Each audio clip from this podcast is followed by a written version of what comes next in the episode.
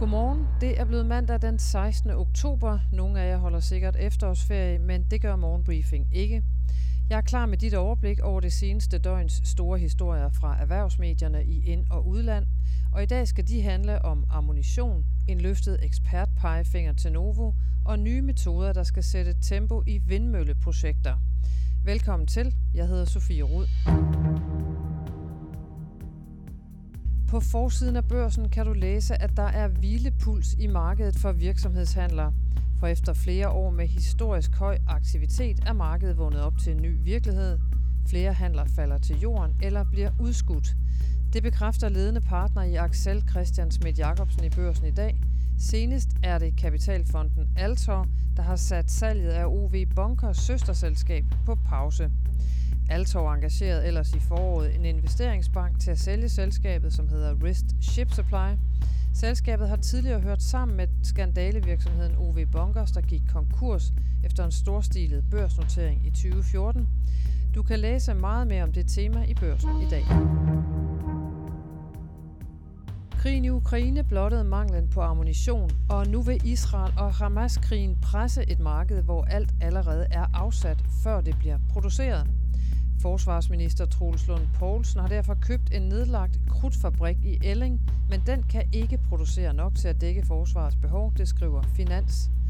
Christian Søby Christensen, som er leder af Center for Militære Studier ved Københavns Universitet, siger, for amerikanerne får det den betydning, at hvis de skal holde Israel i gang, så kan de sende mindre ammunition til Ukraine. Forsvarsminister Troels Lund Poulsen lægger der heller ikke skjul på, at når Danmark nu efter flere års stillstand skal genoptage produktionen af ammunition, så vejer hensynet til USA tungt. Fredag eftermiddag overraskede Novo Nordisk med endnu en stor opjustering, den tredje i år. Men bag succesen gemmer sig nogle grundlæggende udfordringer, som på sigt kan ende med at sætte en kæp i hjulet for den velsmorte Novo-maskine, skriver Berlingske. Martin Jes Iversen, som er virksomhedshistoriker ved Copenhagen Business School, siger til avisen, spørgsmålet vil være, hvor meget de, altså Novo, egentlig kan trække ud af de her markeder, når der er så mange fattige mennesker både i de vestlige lande og resten af verden, der kæmper med diabetes og overvægt, siger han. Den danske regering er klar til at tage et helt nyt juridisk greb i brug, fordi det går alt for langsomt med at få sat vindmøller op herhjemme. Så nu vil regeringen gøre brug af en nødretsforordning, som EU udstedte sidste år i forbindelse med energikrisen. Minister, som altså er klimaminister Lars Ågård fra Moderaterne, vil også undersøge, om man kan bruge anlægslov på havet, ligesom man gør ved store projekter på land. Det vil betyde, at når et projekt først har været igennem høring og er vedtaget ved lov, så kan der ikke længere klages. Lars Ågaard siger til børsen, det er et signal om, at vi vil bruge de værktøjer, vi kan, for at få forceret udbygningen af vedvarende energi. Hans løsning får ros fra energibranchen, men bekymrer Danmarks Naturfredningsforening. I dag mandag afgøres det, om den børsnoterede æggebakkeproducent Brødrene Hartmann skal slettes fra fondsbørsen, når selskabet afholder ekstraordinær generalforsamling. Dagens generalforsamling hos virksomheden markerer kulminationen på et dramatisk forløb, hvor hovedaktionæren Tornico, ejet af Christian Stadil og med hans far Thor Stadil som bestyrelsesformand, i sidste øjeblik torsdag købte yderligere 10% af aktierne i selskabet. Følg den historie hos børsen, hvor der også i løbet af ugen kommer nogle Q3-regnskaber, blandt andet fra Tesla, Netflix og Morgan Stanley.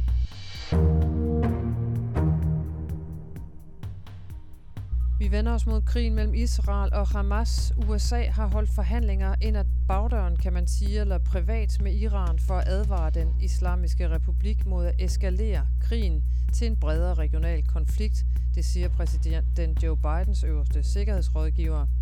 Han hedder Jake Sullivan og sagde søndag, at Washington har haft mulighed for at kommunikere direkte og privat med styret i Teheran. Citat, vi har benyttet os af disse muligheder i løbet af de sidste par dage for privat at gøre det helt klart, hvad vi har sagt offentligt, siger Sullivan ifølge Financial Times. Også oliemarkederne holder vejret, mens man afventer en israelsk landoffensiv i Gaza. Det betyder, at oliepriserne åbner denne uge med små fald efter en stigning på 6% i fredag. En tynde Brent koster over 91 dollar per tønde, skriver Bloomberg. Til aktierne, hvor frygten for en yderligere eskalering i konflikten i Mellemøsten fik, fredag fik fat i det amerikanske aktiemarked, der vendte fra grønt til rødt. S&P 500 faldt med 0,5 procent, mens Nasdaq dykkede 1,2.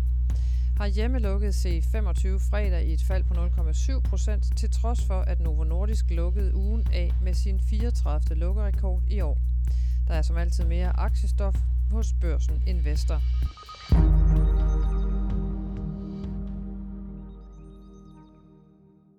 De økonomiske vismænd anbefalede i sidste uge en finanspolitisk stramning på en halv procent af BNP, fordi de mener, at vi i Danmark har en beskæftigelse, som er ca. 90.000 højere end hvad der strukturelt er holdbart.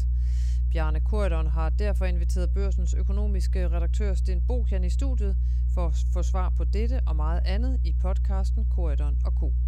Og det vismænd så siger, at vi risikerer øh, hvis vi ligesom stopper vat i ørerne og ikke lytter til deres anbefaling, det er Jamen, en øget risiko.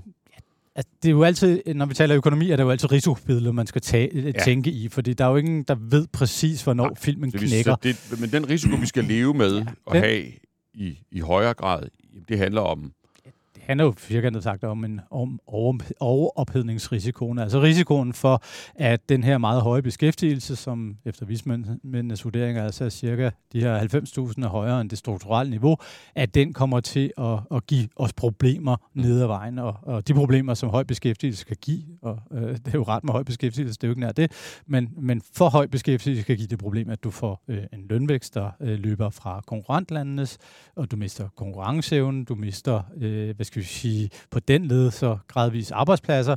Det er jo også, kan man sige, den her inflationskrise, som vi jo har bøvlet med, øh, jamen den vil jo så bide sig mere, så meget desto mere fast, øh, være en mere indlandsk inflationskrise. Indtil videre har det jo været en meget udenlandsk inflationskrise, fordi det har været oliepriser og fødevarepriser.